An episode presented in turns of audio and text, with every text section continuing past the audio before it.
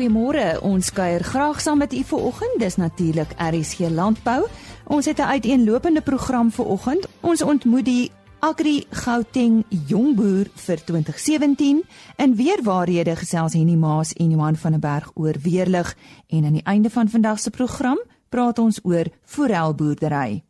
Chris Derksen is tans in Namibië en daarom het ek die voorreg om vanoggend vir u die vleispryse deur te gee. Die volgende vleispryse wat behaal by veilinge in die Noord-Vrystaat en die datum van hierdie veilinge was Dinsdag 17 Oktober. Speenkalvers onder 200 kg het gegaan vir R38.55. Tussen 200 en 250 kg R36.56. Oor 250 kg R34.21.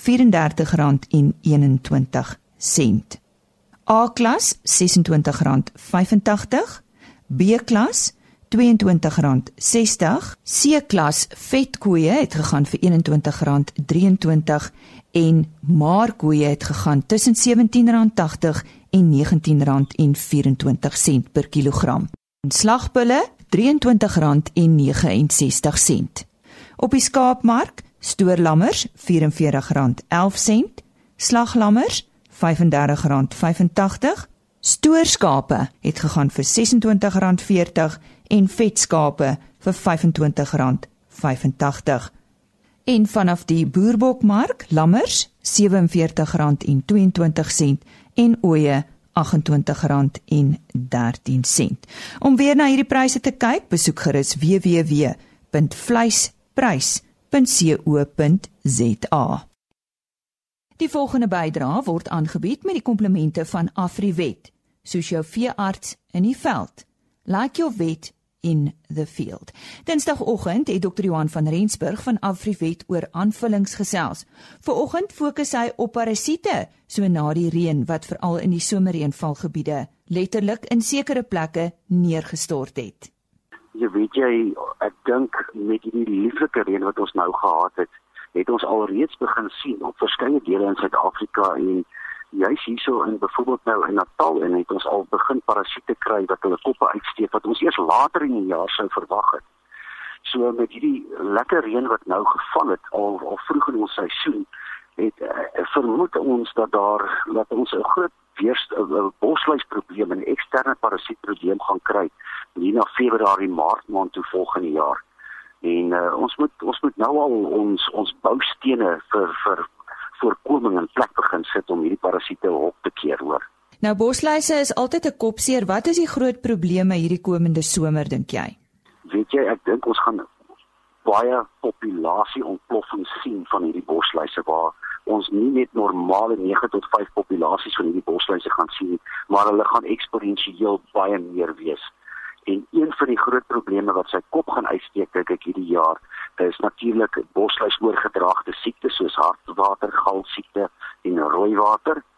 En 'n ander probleem wat vir my net so 'n groot kopseer is, is weerstand teen ons dipmiddels wat sy kop gaan uitsteek. Ja, en ek wil ek wil juist met jou daaroor praat. Ehm um, is bosluis weerstand teen dipmiddels nou 'n werklikheid en 'n werklike probleem in Suid-Afrika? Ja, absoluut hoor jy weet dit is iets wat ons altyd 'n blinde oog voorgehou het en dan sê ons maar altyd nie ons dink hierdie bosluise was te veel geweest.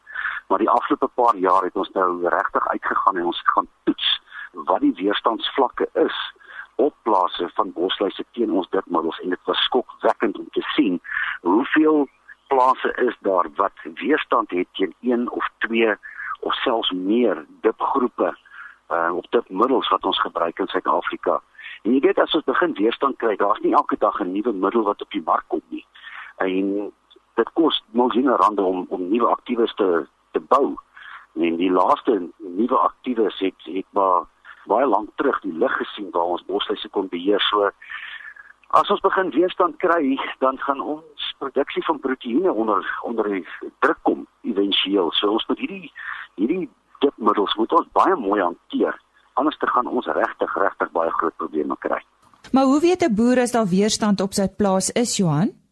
Ek dink die heel eerste ding gewoon wat die boer sien is ek het my eerste dit in 2 dae, 3 dae later is hulle nog vol bosluise. En ehm um, nou daar kan twee redes daarvoor wees. Die een kan net wees daar is net te veel bosluise, maar die ander groot rede kan wees daar is weerstand.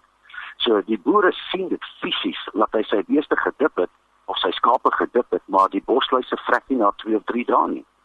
So wat kan 'n boer doen om weerstand te voorkom? Ek glo in 'n wetenskaplike benadering tot tot hierdie probleem wat ons het en hierdie benadering behels is dat ons gaan uit op 'n plaas ons vat wyfie bosluise en ons gaan broei daai eiertjies uit in die in die laboratorium in en ons toets die larfstadiums teen verskeie dipstowwe om te bepaal plaas A wat se weerstand is daar teen middel A, B, C en D.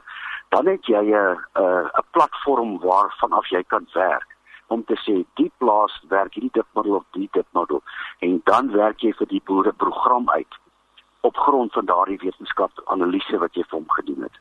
Dr Johan van Rensburg van Afriwet en hierdie onderhoud is ook aangebied met die komplemente van Afriwet. Soos jou veearts in die veld. Like your vet in the field. Vanaand, 19 Oktober, word die Toyota Agri SA Jongboer vir 2017 aangewys. Ons ontmoet nou vir Andries Groesbeek. Hy is die Agri Gauteng Jongboer en hy's natuurlik een van die finaliste wat vanaand aan die groot kompetisie sal deelneem. Goeiemôre. Ehm um, ek is in Nigel distrik tussen Nigel en Balfour. Is 'n familieplaas ons is in 1974 gestig. En uh, ons boer hierso met witmielies, geelmielies, sojas, beeste en skape. En was dit 'n uitgemaakte saak dat jy plaas toe gaan nadat jy uh, op skool was of het jy eers gaan studeer? Ek het eers gaan studeer, maar my hart was nog altyd by die boerdery gewees van kleins af. En sê vir my Andries, ehm um, dis vandag uh, met uh, die uiteenlopende weeromstandighede wat ons het en uh, verskeie ander sake nie altyd uh, maklik om te boer nie. Wat hou jou positief want ek is seker jy is 'n positiewe persoon om te kom waar jy is vandag. Ja, dit wat my baie positief hou is my geloof. Ek uh, baie gewortel in my geloof. Ek dink dit hou mens hou my baie positief en ek dink mense waarmee ek self omring, my vrou ondersteun my altyd baie goed en my pa en my broer het nog altyd ondersteun in die boerdery. En ten spyte nou van die werkery het jy darem 'n paar stokperdjies waarin jy jou vrye tyd kan spandeer of het jy nie vrye tyd nie? Ja, ek probeer gereeld bietjie tyd maak om by die gimnasium uit te kom en 'n ge gesonde liggaam, huisves 'n gesonde brein. En ek hou van visvang. Ek dink dit is 'n uh, lekker ontspanningssport op naweke. Nou die uh, skade wat uh, baie van die boere om julle gehad het, het uh, van die weer onlangs, die haal en die vreeslike winde het, het dit julle ook geaffekteer? Ons het verskriklike winde in ons area gehad, nie self skade met dit nie, maar brande in ons ons in ons omgewing. Uh so ons moet probeer die boere help met bale en dink almal mekaar probeer help en ek dink is in sulke tye dat mense met ons gemeenskap saam staan en mekaar ondersteun. Andries, ek wil terugkom by die gewasse waarmee jy boer. Uh watter praktyke pas jy toe? Waarin glo jy? Ons werk op 'n minimum bewerking basis. Ons het ons lande laat karteer en volgens hulle kapasiteit werk ons hulle. In die winter sal ons die lande uh met 'n buitelploeg bykom en dan na dit doen ons regstellings van kalk. Ons ons kunsmis uit en ons gooi 10 ton mis elke 3 jaar op ons hande. Daarna tel ons dit en dan na die tiller kom aan die weer bewerking tot die planter nie om soveel as moontlik vog te bewaar in reëntyd. Hoe is jy by jou omgewing uh, betrokke Andries? Uh want as die boere nie so by ons, so ons probeer by die boere nie bymekaar kom en uh dink boere probeer bymekaar staan so veel as moontlik deur net goeie vriendskappe te bou en vennootskappe met mekaar. Kom ons gesels weer oor die boerdery. Uh dit klink maar hoofsaaklik um asof die gewasse uh nog altyd deel is van die boerdery. Moes julle op 'n stadium meer diversifiseer of is dit maar nog altyd mielies? En my broer het laas jaar by ons aangesluit in die boerdery. Het ons die vee boerdery al bietjie groter gemaak. Ons is van 50 dormer oeye op na 560 oeye en ons het ons uh, tot 100 stoetskape ook bygekry om vir hom 'n plek in die boerdery by te maak en so te diversifiseer. Dit nie net op die saaiery konsentreer nie. En om 'n jong boer te wees, deesdae moet 'n mens maar aanhou leer en uh, kyk wat ander boere doen van reg oor die wêreld. Hoe hou jy by met tegnologie en dinge wat verander in boerdery? Ek dink 'n groot uh, plek waar mens kan tegnologie inligting kry is by Nampo. Ek probeer elke jaar by Nampo uitkom om te sien wat die nuutste tegnologie en masjinerie op die mark op die oomblik.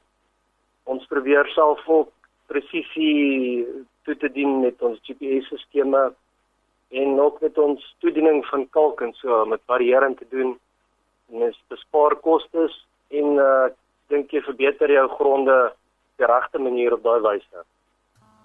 Om jy af te sluit Andries, as jy nou vir jou mede jong boere um moet aanmoedig om nie op te gee nie, wat sou jy vir hulle sê? Jong, daar mense moet altyd eet en ek dink is van jouself as jy 'n positiewe gesindheid het, sal altyd geleenthede in die besigheid wees.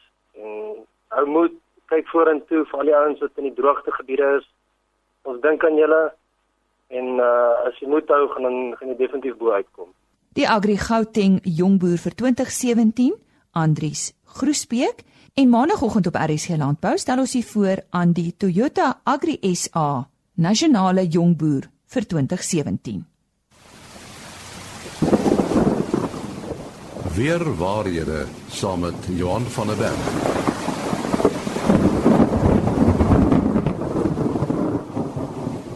Ja, in die rubriek uh, weer waarhede praat ons oor weerverskynsels en een van die weerverskynsels wat in 'n groot mate uh, baie mense laat skrik is natuurlik weerlig, Johan. Ja, ek dink is nie net laat skrik nie, dit is regtig waar 'n groot gevaar. En is interessant ek lees hulle sê dat daar meer mense in Amerika deur weerlig uh, sterf as met uh, siklone en uh, orkane wat wat uh, die land tref. So dit is regtig waar 'n wesentlike gevaar. Nou weerlig ontstaan as gevolg van die ontle die elektriese ontlading uh as gevolg van die verskille in ladings tussen storm hierdie stormwolke en die grond of tussen wolke. So die as 'n mens nou tussen die wolke en die aarde dit kyk, die lig dien as 'n isoleerder aanvanklik uh dat daar hierdie ontlading nie kan plaasvind nie maar naderhand is die ladings die positief en die negatief so sterk uh dat dit deur hierdie lig uh kolom dan beweeg en dit is wat ons dan sien of wat ons hoor uh eers sien en dan hoor uh in terme van van die weerlig. Nou dit ontstaan as gevolg van uh die partikels van reën en ys en sneeu en uh al hierdie klein deeltjies uh wat teen mekaar beweeg soos wat hierdie stormwolke saampak en uh daar herverspreiding plaasvind en in hierdie proses uh begin daar ladings ontstaan, verskillende ladings, positief en negatief. Ehm um, uh die ander meganisme is deur middel van wind waar hierdie vertikale windbeweging waar 'n opligting plaasvind van vog uh vat dan van hierdie lading saam. Dis soos 'n wind wat statiese elektrisiteit veroorsaak en dit kom in die wolke dan daar. So hierdie die die slag wat veroorsaak word deur weerlig is as gevolg van die lig wat wat verhit word as gevolg van hierdie elektriese vonk. Nou dit kan in die orde van 12 15000 grade Celsius warm word. So die lug sit dus vinnig uit as gevolg van hierdie hitte en dit stuur 'n klankgolf uit uh, wat ons dan as 'n donderslag ervaar. Nou waar in Suid-Afrika kom die meeste weerlig voor? En as 'n mens gaan kyk, daar's 'n kaart wat die Suid-Afrikaanse weerdiens vir ons opgestel het.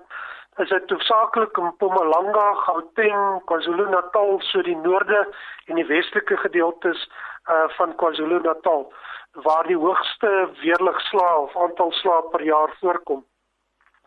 Nou hoe waar as op as daar plekke is waar jy byvoorbeeld is waar is die grootste kans dat weerlig gaan voorkom en dis gewoonlik met hoë voorwerpe. Uh so dit steek uit dit is nader die grondoppervlakte wat via hierdie gebou of boom en nou uh, van die grond af weg staan. Ehm um, is hierdie gedeelte tussen wolke, die wolke en hierdie voorwerp is dan kleiner en dan vind hierdie uh, ontlading tussen die positiewe en negatiewe ladings dan plaas. Nou dis nie altyd dat die hoë voorwerpe eers getref word nie word dit dit smeer waar waar die ladings aan opbou so daar kan langs 'n hoë boom kan 'n uh, weerligslag voorkom wat nie noodwendig uh, nie noodwendig net die hoë bome nie. Wat interessant is weerligbeskerming as 'n mens na jou eiendom kyk. Uh die jou huis en geboue moet goed geaard wees. So daar moet 'n vloei van uh die die uh, ladings kan plaasvind in die grond in. Uh so dis baie belangrik dat jy baie goeie 'n dik uh, drade en koperstawe in die grond het uh, wat jou huis dan beskerm en wat die die vloei van hierdie ehm um, strale of van die energie van die elektrisiteit in die grond kan invat. Ehm um, 'n ander ding veral by grasdakke is pale wat opgesit word met goeie kontak. So hierdie paal se hoogte is nogal belangrik. Uh want dit dek omtrent so teen die hoek van 30 grade onder toe dek dit die huis. So uh as 'n as 'n huis 3 meter hoog is, uh dan moet daai hoek uh, so of die paal so hoog wees dat daardie hoek van 30 grade dan hierdie huis van 3 meter gaan gaan dek. Uh as hy groter is die huis of platter dak, dan moet hy hoër wees. So wat betref weerlig, dit is 'n algemene verskynsel in Suid-Afrika en uh dit is baie belangrik veral met as 'n mens buitekant is om nie onder hoë uh, geboue of onder hoë bome uh te gaan staan nie. Uh en dis beter om eerder nader naby aan die oppervlakte te wees, maar die veiligste is nog steeds in 'n huis uh waar ook nie naby 'n venster is nie. Uh want dit is geweldig te hoeveelheid energie waarvan ons hier sou praat. Ons sê dankie aan Johan van der Berg. Weer waarhede elke donderdag hier op RSG Landbou. Johan van der Berg en Henny Maas wat gesels het oor weerlig. Die nasionale jeugskou het vanjaar in die Oos-Kaap plaasgevind vroeg in Oktober en vir nog 'n bydrae van daar af oor na Karen Venter. Dit is nou na afloop van die nasionale jeugskou hier in Bathurst en ek het vir Pieter Koortse en vir Ronald die Jager. Hulle was die hoofborge Old Mutual Insure Pieter, wil baie graag 'n woordjie met ons luisteraars hê. Dankie Karen. Ehm um, ja, dit is 'n voorreg vir ons om hier te wees. Uh Old Mitchell Insure is gelukkig een van my streke ook hierdie, weet ek is uh landbou uh streekbestuurder landbou. En dit is aan die batekant. So diere is obviously een deel van ons uh passies en vir al die kinders, weet ons wil dit promoveer.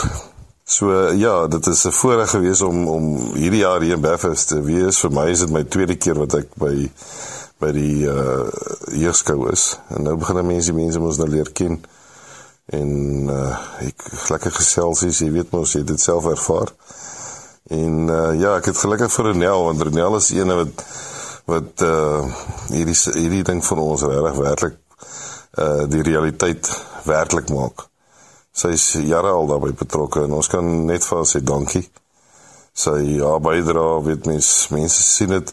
Ons sien dit raak, die mense sien dit raak en is baie lief vir haar, weet. Van Old Mutual Insure se kant af van ek sê vir Daniel vanaand toe sien dit ry. Uh ek het daai trotsheid weet om deel van hierdie maatskappy te wees. Want die mense, hierdie kinders en hulle ouers is dankbaar. En hoeveel mense het net na jou toe gekom en sê sê Baie dankie. Baie dankie vir wat jy doen vir ons kinders. En eintlik is ons maar net daar om hierdie uh landbou uh in ons land te promoveer. Met van jongs af moet ons hierdie kinders die geleentheid gee om hulle passie te kan uitleef. En dit is wat ons het 'n passie vir landbou. Baie dankie. Pieter Kurtzen van Old Mutual Insure, hulle was ook die hoofborg van die nasionale jeugskou en Karen Venter het hierdie bydrae aan ons gestuur. In uh, eh, 1972 aan die voet van 'n pragtige Mpumalanga waterval het die van 'n Merwe familie een van Suid-Afrika se eerste forelplase tot stand gebring. Nou die eienaar van Linsklip Visserye Stefan van der Merwe vertel ons 'n bietjie meer daarvan. Ja, Stefan, hoe oud is die forelbedryf nou in Suid-Afrika sulks? Goeiedag aan al die luisteraars. Dit is uh, wonderlik om julle geleentheid te hê. Linsklip Visserye is uh so wat 40 jaar reeds aan die gang en forel in Suid-Afrika reeds 125 jaar. So dit is 'n uh, gevestigde ehm um, produk en spesies in ons land waarop ons baie trots is. Waar kom forel oral in Suid-Afrika voor? Interessant, oorspronklik van Noord-Amerika, maar forel is uh, in die vroeë jare ehm um, gevestig in al die areas waar dit natuurlik kan aard. So ons praat na die koue water areas, die hoogliggende gedeeltes en dit sal nou tipies wees en as ons vanaand deur ons land uh, gaan die noordelike gedeeltes kan ons kyk na Zanin, Magubaskloof, Heinesburg. As ons na Mpumalanga kom, kyk ons na dorpe soos Leidenburg, Dulstrom, Machadodorp, Belfast, Sabie, Graskop. Jy weet eh uh, uh, jou Forel driehoek is uh, spesifiek in ons uh, provinsie baie gewild. Skyf ons bietjie af Vrystaat toe, dan kry ons daar Clarence, Bethlehem omgewing en dan kan ons kyk na die uh, Natal areas, die Drakensberg, Weskaap. Ehm um, so hy kom in die hoogliggende gedeeltes voor. Dis 'n koue watervis en dis waar hy aard. Wat is die kritieke parameters in die forelbedryf waarop gelet moet word? Ek dink dit is belangrik dat ons na die produksieparameters uh, sal kyk. En uh water is natuurlik 'n forel se lewensaar. Sonder water uh kan niks gebeur nie. Hierdie koue watervis soek skoon water, water by temperature tussen so 4 grade tot en met so 18, 19 grade, maar 'n uh, uh, optimum temperatuur hier tussen 14 en 16 grade Celsius. Dis wanneer daardie vis uh, lekker groei en uh, aktief is en ehm um, daai parameters uh, is is belangrik. Jy weet temperatuur speel 'n geweldige rol en dan ook natuurlik die suurstof vlakke. Suurstofvlakke, koue water dra beter suurstof as warm water. So 'n uh, 'n vis uh forel spesifiek soek daai koue water. 'n uh, Vinnige 'n uh, duimsuig uh, formulietjie wat jy kan gebruik is uh mense het 1 liter water nodig per minuut. Uh wat in 'n kubieke meter watervolume inloop teen 16 grade Celsius om 1 kg vis aan te hou. En hoe lyk die waardeketting van forel?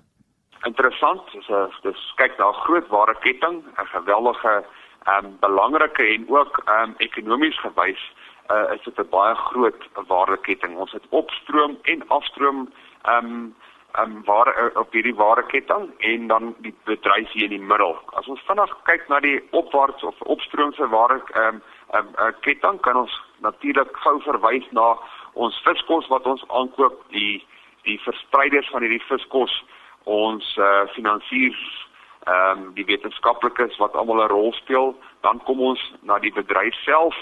Kyk ons hier vinnig na jou vingerlinge, jou jou jou ehm um, owa wat die eiertjies is, jou broeivisse, dan word hierdie vis verder geskuif na na aanlegte waar dit verwerk word.